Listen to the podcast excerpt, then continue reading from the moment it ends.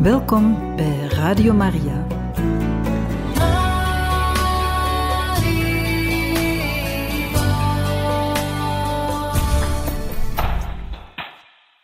Welkom beste luisteraars van Radio Maria.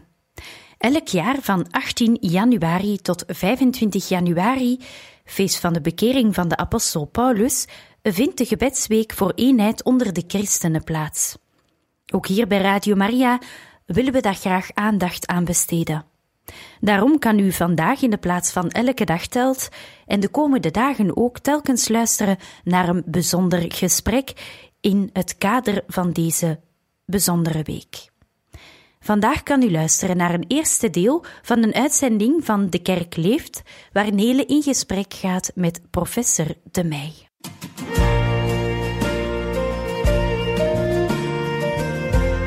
De Kerk Leeft. Een programma van Radio Maria, u gebracht door Nele.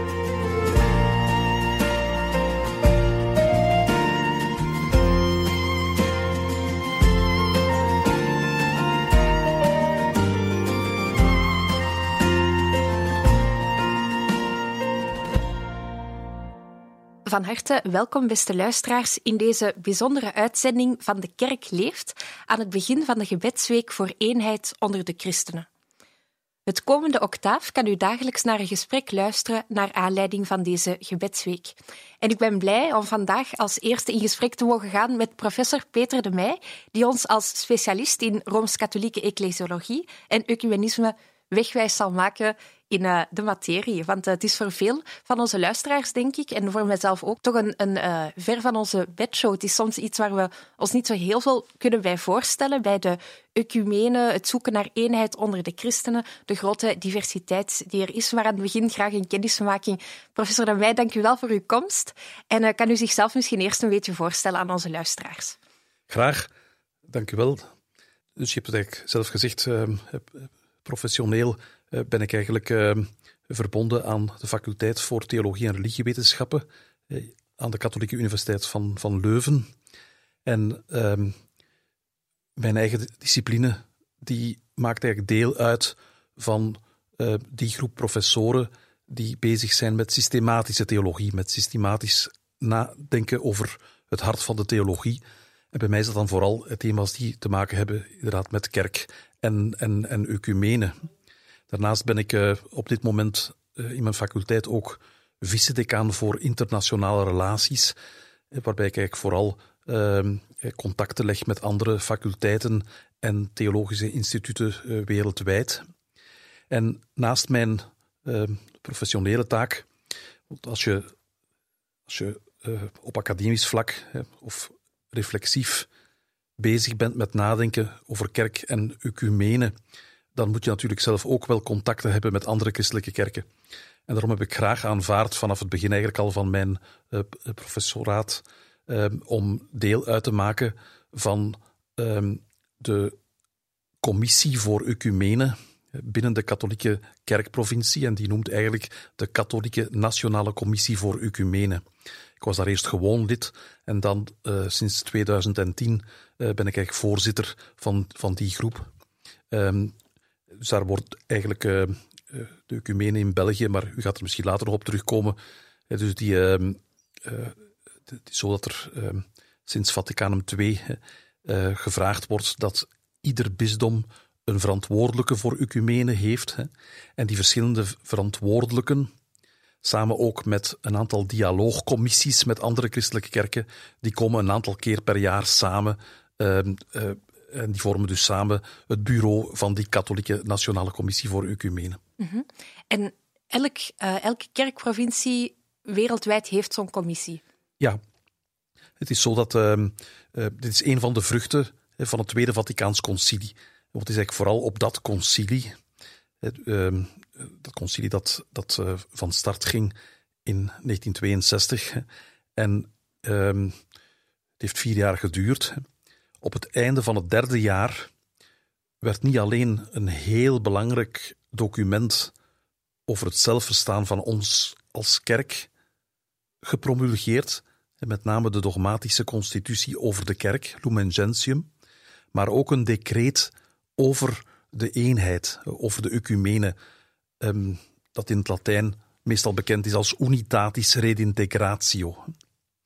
En dus uiteraard, tijdens het concilie was men gefocust om zo goed mogelijk te proberen de leer van de katholieke kerk en ook de koers. De, de, in zekere zin is er toch ook wel een, een, een, koerswijziging gebeurd, zeker in de richting van andere christelijke kerken.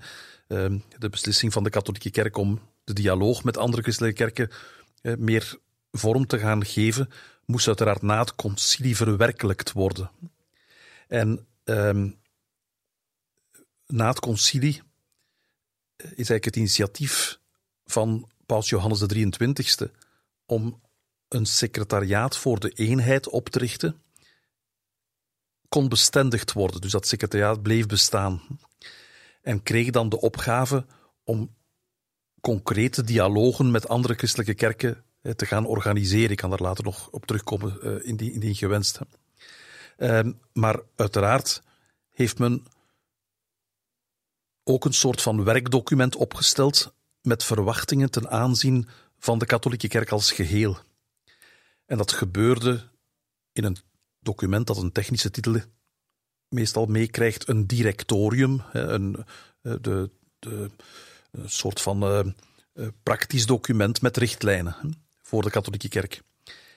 En een van die richtlijnen was de verplichting dat iedere kerkprovincie, ehm, dat iedere bisschoppenconferentie een soort van nationaal ehm, een nationale commissie zou hebben waar de ecumene centraal wordt gesteld. En dat hetzelfde eigenlijk het geval zou zijn voor de verschillende individuele diocesen en, of, of, of bisdommen. Dus vandaar hebben we in België, maar ook in de rest van de, van de wereldkerk, eh, heb je op het niveau van de bisschoppenconferentie zo'n nationale commissie voor ecumene. En wordt er eigenlijk verwacht dat in de verschillende bisdommen dat er ook aandacht is voor ecumene. En meestal is er dan één iemand die door de bisschop wordt aangesteld. Maar soms kan zo de, de werking lokaal ook andere vormen aannemen. Eh, om daar reeds één klein voorbeeldje van te geven. In het bisdom Antwerpen bijvoorbeeld bestaat er een Antwerpse raad van kerken. En dus daar, precies omdat Antwerpen natuurlijk een, een, een, een, metro, bijna een metropool is, waar, waar, eh, waar, waar heel veel contacten met ehm, met, met christenen wereldwijd en, en met, uh, met internationale mensen sowieso eh, plaatsgrijpen, uh, vond men het daar belangrijk om die veelheid aan kerken, eh, om daar regelmatig initiatieven voor te ontwikkelen. En bijvoorbeeld een, maandelijks gebedsmoment uh, organiseren zij, maar ook, ook andere initiatieven. En zij, komen, zij noemen hun werking de Antwerpse Raad van Kerken, terwijl andere bisdommen eerder een bisschoppelijk, een, eerder een soort van diocesane commissie hebben met alleen maar katholieken, hè, maar die, die zich inspannen om het ecumenische gedachtegoed uit te dragen en te behartigen. Want dat is vooral de bedoeling van, van zulke commissies om mensen ermee vertrouwd te maken met wat ecumene precies is? Ja, dat klopt. En we proberen dat te doen binnen die uh, uh, Nationale Commissie. Door, vooral eigenlijk door ieder jaar een studiedag uit te werken en aan te bieden, waarbij we een ecumenisch thema uh, eigenlijk uh, uh, gaan uitdiepen. En ehm, op die studiedag, dus net, zoals de commissie zelf, bestaat die, die, die jaarlijkse studiedag al bijna van, van het jaar na het concilie. vanaf 1966, als ik me niet vergis, hè, is men daarmee begonnen. En um, daar probeerden we van, van meet af aan om rond een bepaald thema. Eh, dus uiteraard, die studiedag die wordt in de eerste plaats ingericht voor onze verschillende diocesane commissies en hun medewerkers, zodat zij verder vorming kunnen krijgen op, op, op dat vlak, maar ook voor geïnteresseerden uit andere christelijke kerken. En we proberen dan meestal rond een bepaald thema Ehm, een, een, katholieke stem aan het woord te laten, een, een protestantse stem, een orthodoxe stem en een Anglikaanse stem. We richten ons daar meestal op die vier grote kerkfamilies, die van oudsher eigenlijk heel intensief samenwerken in, in, in België. En dat zijn de katholieke kerk, de Verenigde Protestantse Kerk van België, de Anglikaanse Kerk en de Orthodoxe Kerk.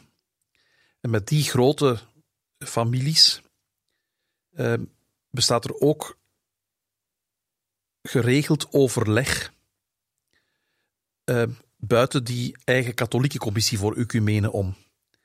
En dat overleg dat vindt plaats in een orgaan, meestal zijn we gewoon om het in het Frans te benoemen, La Concertation des Églises Chrétiennes en, Bel en Belgique. Dus de concertatie, de raad voor uh, de christelijke kerken in België. En daar is voor gekozen om, um, weliswaar, hè, weliswaar hebben we ook heel goede contacten met uh, de toenemende groep evangelicale en pinkstergemeenschappen, maar zij zijn uh, veel diverser. Uh, niet elk van die gemeenschappen vindt bijvoorbeeld sacramenten heel belangrijk. En daarom is eerder gekozen, omwille van theologische redenen, om hen het statuut van waarnemer te geven. Maar dus die groep, die concertatie van christelijke kerken, ehm, die komt ook een aantal keer per jaar samen. Wordt meestal wordt bij ons geleid door de bisschop, die voor wie ecumene centraal staat in zijn takenpakket. Dus de referendaris voor ecumene. En bij ons is dat uh, bisschop Monseigneur uh, Johan Bonny van Antwerpen. Uh, dus hij leidt, of hij, leidt de katholieke delegatie daar. maar ik zelf als voorzitter ehm, en onze secretaris maken daar ook deel van uit. En die gesprekken die gaan heel vaak over, ehm, ehm, ja, over kwesties die ons aanbelangen in relatie met de overheid. Um, bijvoorbeeld de, de, vrijheid van onderwijs en, en, en, en dergelijke meer. Ook soms spanningen, um, beslissingen die worden genomen met betrekking tot uh, kerkgebouwen en, en, um, en de toekomst ervan in Vlaanderen bijvoorbeeld. Dat zijn kwesties die daar uh, in, in die commissie eigenlijk uh, worden ter sprake gebracht.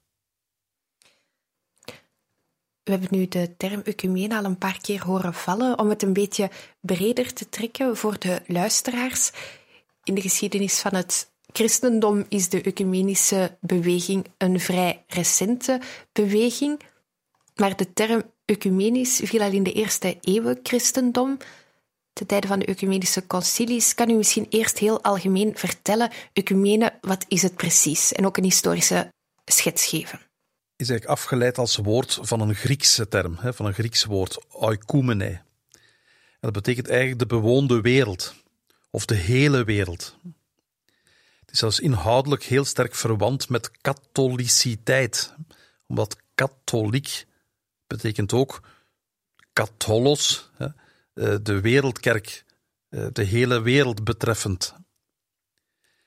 Nu, de oorspronkelijke betekenis van van die oikoumene, die hele christelijke wereld, ehm, die in, de periode waarop er nog geen kerkscheuringen plaatsvonden, had die term natuurlijk in eerste instantie betrekking op de katholieke kerk zelf.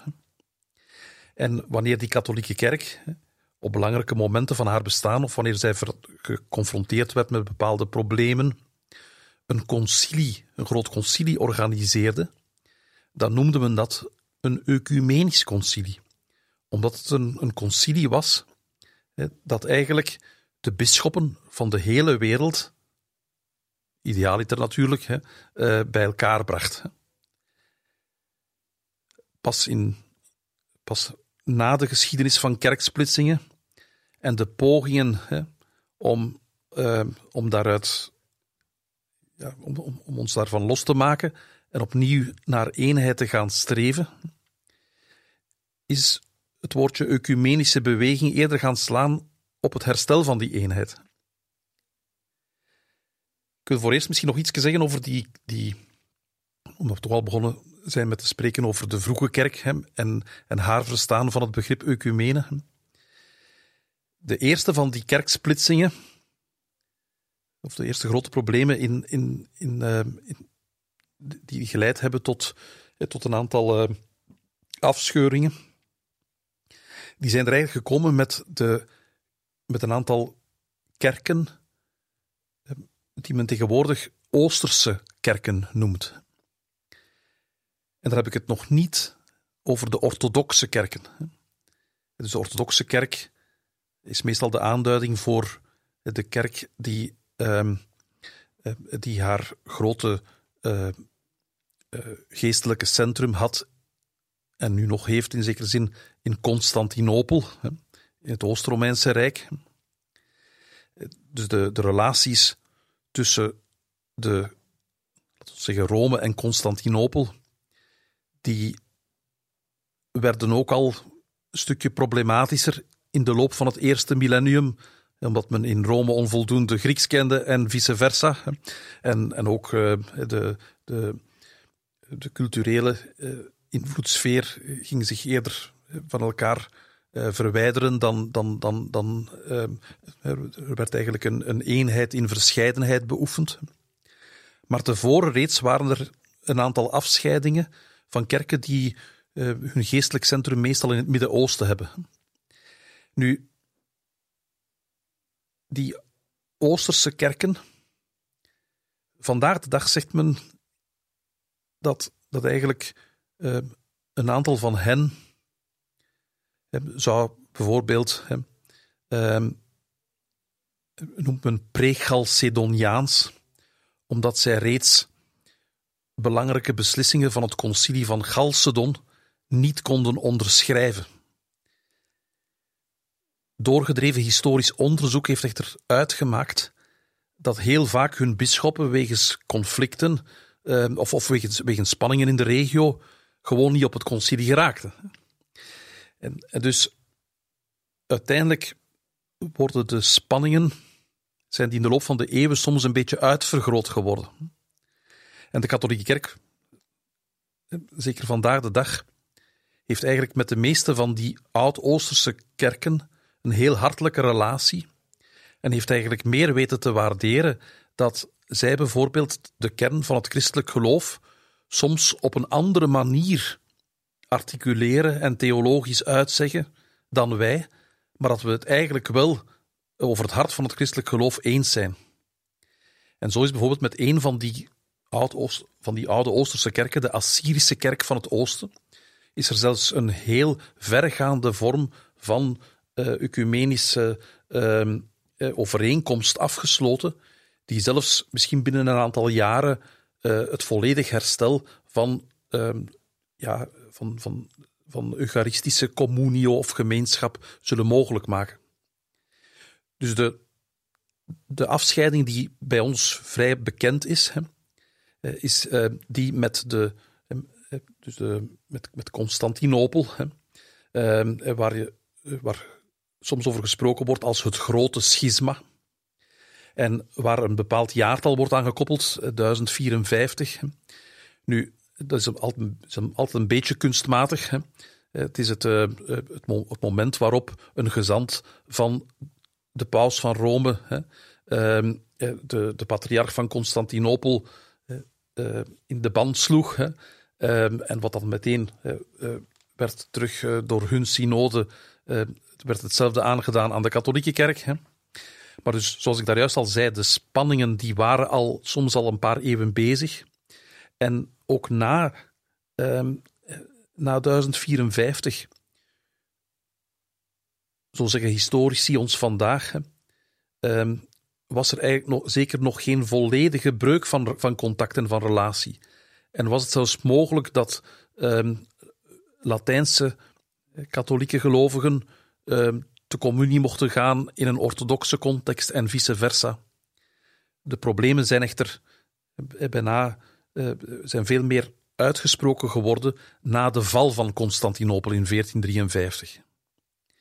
En sindsdien is dus een, een, een kerkgemeenschap die een hele lange gemeenschappelijke traditie met ons had. Hè. Uh, en voor orthodoxen is dat zeer belangrijk.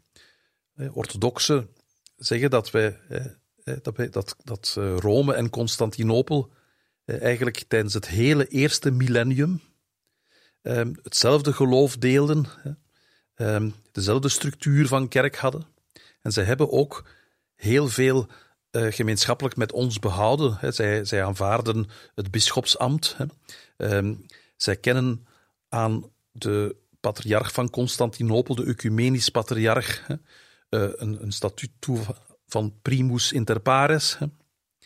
Maar zij, uh, omdat zij zich anders ontwikkeld hebben, of, of naar eigen zeggen hebben zij vastgehouden aan de oorspronkelijke organisatie van de kerkstructuur in het eerste millennium. Uh, daarom bijvoorbeeld benadrukt men heel sterk in, uh, bij de orthodoxe kerken dat de wereldkerk, de hele universele kerk, na die ecumenische concilies uit het eerste millennium geen ecumenisch concilie meer heeft kunnen organiseren, omdat, om, om, omdat, omwille van de breuk van, van, die, van die twee grote stromingen in, in de christelijke kerk. En dus zij, waar wij in de katholieke kerk ook de kerken, ook de concilies van Trente bijvoorbeeld, of Vaticanum I, een, een ecumenisch concilie zijn blijven noemen, hè, uh, is dat een, een, een, een aanduiding die de orthodoxen verafschuwen. Voor hen is dat een onding. Een ecumenisch concilie dat veronderstelt dat die twee grote stromingen terug één zijn geworden en dan samen beslissingen nemen voor de wereldkerk. Maar het is vrij bekend dat um, vooral eigenlijk de, de, de keuze die de katholieke kerk gemaakt heeft op het eerste Vaticaans concilie om meer gewicht toe te kennen aan de bisschop van Rome en aan de paus en dus ook um, te, gaan, te gaan zeggen dat, dat uh, um, te gaan, eh, ook het dogma af te kondigen van de pauselijke onfeilbaarheid. Hè. En aan hem bijna onbeperkte jurisdictie over de wereldkerk toe te kennen. Dat zijn beslissingen waar de orthodoxe kerk tot op vandaag niet mee kan instemmen. En vandaar blijven, blijven dat twee eh, eh, zeer sterk van elkaar gescheiden groepen. En het laatste schisma, ik misschien heel kort nog even kan vermelden, hè, de laatste grote breuk is natuurlijk die van de Reformatie. En dat is dan opnieuw een breuk binnen de westerse christenheid, die het gevolg was van het optreden van Maarten Luther in eerste instantie en vervolgens een aantal andere reformatoren. We spreken, wanneer we als, als ecumenici proberen om die grote groep gemeenschappen en, en uh, op, op, op één noemer te plaatsen, spreekt men meestal over de kerken en gemeenschappen die uit de reformatie voortkomen. De grote groepen zijn dan Lutheranen, Calvinisten, maar eh, Anglikanen. Maar soms heeft bijvoorbeeld eh, eh, het Anglikanisme zelf later nog tot bijkomende splitsingen en scheuringen geleid, zodat je een hele lappendeken hebt van, van, van, van protestantse kerkgemeenschappen. Ehm, ook daar is natuurlijk is, is het zo dat ehm, na de start van die reformatie, we hebben een paar jaar geleden 500 jaar uh, reformatie herdacht.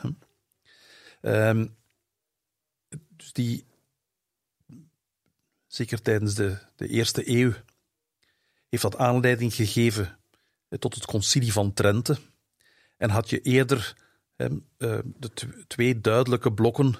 Je had de reformatie en de contra-reformatie, de, de, katholieke kerk en haar overtuigingen. Eeuwenlang hè, hebben die twee groepen eerder elkaar tegengewerkt hè, dan samengewerkt. Maar het is eigenlijk pas naar het, het, uh, het einde van de 19e eeuw, het begin van de 20e eeuw, dat, um, dat men eigenlijk in kringen van um, of in, dat, men, dat men eigenlijk in, in, in die, bij die groepen christenen die aan missiewerk deden, begon men aan te voelen dat, eh, dat eigenlijk eh, op het terrein, eh, om bijvoorbeeld een voorbeeld te geven in Afrika, ehm, in Afrika kon het, kon het zich voordoen dat men in, in, een bepaald, in een bepaald land, in een bepaalde regio, dat men daar de, eh, ehm, op een bepaald moment hè, dat, dat die regio gechristianiseerd was door katholieken. Dat zal nog altijd de grote meerderheid zo geweest zijn. Maar ik weet bijvoorbeeld dat er een, een bepaalde regio in Tanzania is, waar Lutheranen het geloof hebben verkondigd. En dus men zag eigenlijk, dus in, in, in het missiewerk, begon men zich voor het eerst de vraag te stellen: zou het toch uiteindelijk niet makkelijker zijn als, ja, als wij minstens kunnen dialogeren?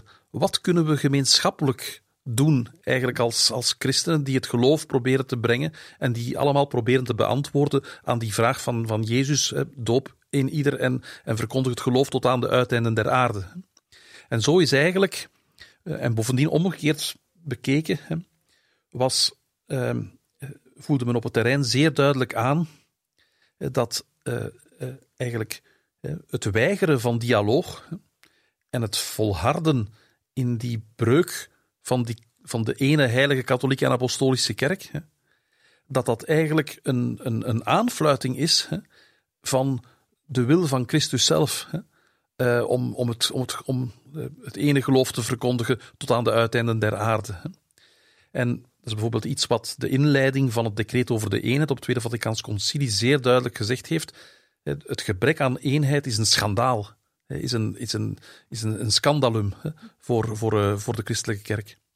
En zo is dus eigenlijk geleidelijk aan, um, is er eerst in, in 1910, um, heeft er zich een, is er een belangrijke, uh, in Edinburgh, uh, in Schotland, een belangrijke wereldconferentie geweest van een aantal van die zendingsbewegingen.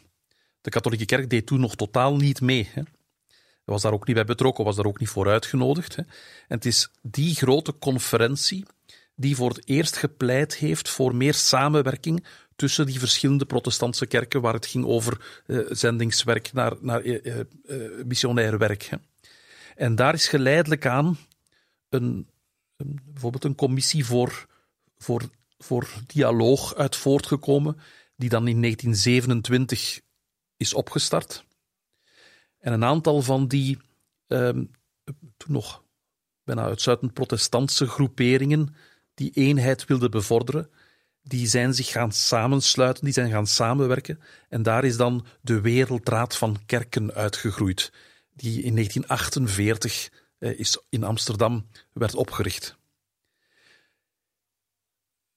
Die Wereldraad van Kerken, jullie begrijpen het eh, perfect, van eh, wanneer die veelheid aan christelijke kerken elkaar wil zien en met elkaar wil overleggen, dat is praktisch niet gemakkelijk te organiseren. En uh, vandaar hebben zij meestal uh, hebben zij besluit genomen van slechts om de zeven jaar een wereldbijeenkomst te organiseren. En dat had als gevolg bijvoorbeeld dat de derde wereldbijeenkomst van de Wereldraad van Kerken die ging in 1961 door in New Delhi, in India. En toen hebben een aantal orthodoxe kerken besloten om daar deel van te gaan uitmaken en dus toch samen dialoog aan te gaan met de protestantse wereld. Het was ook het eerste grote bijeenkomst waar de katholieken bereid waren om waarnemers naartoe te zenden.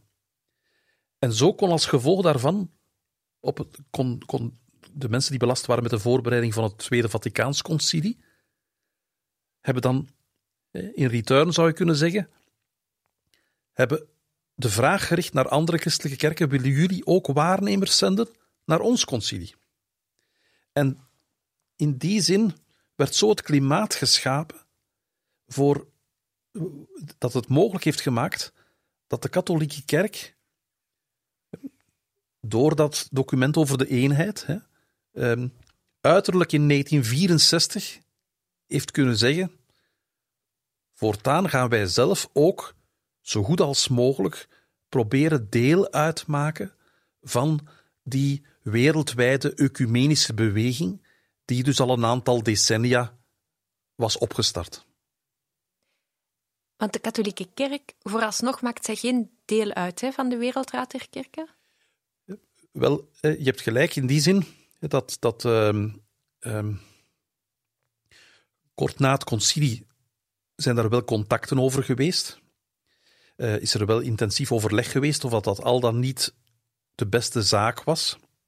Maar die Wereldraad van Kerken, dus die had duidelijke criteria.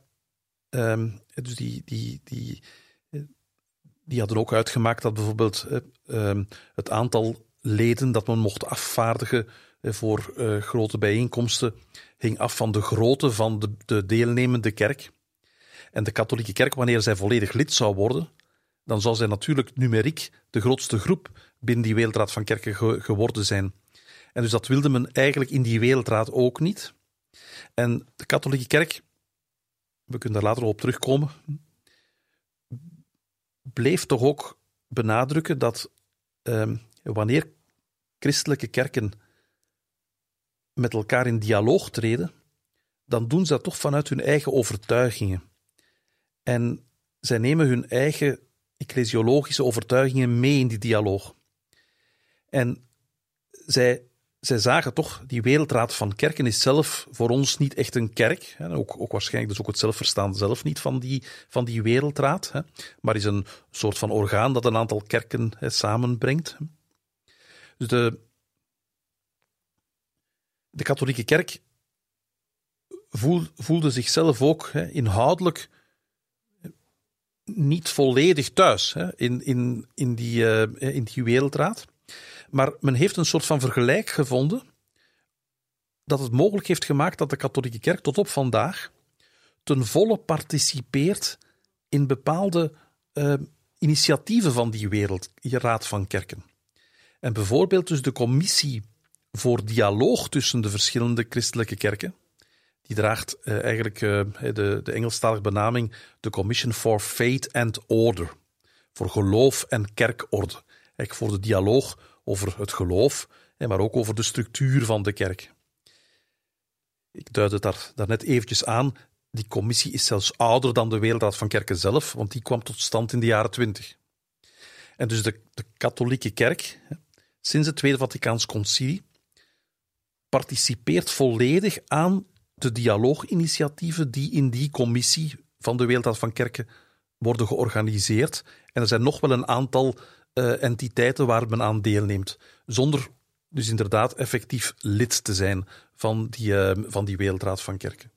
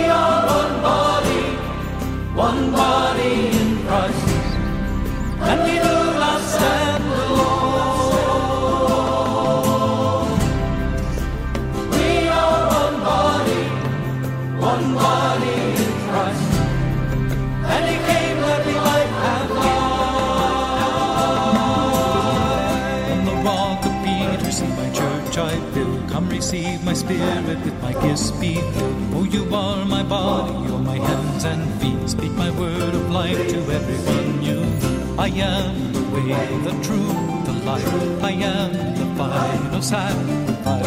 I am the way, the truth, the life. Believe in me, have eternal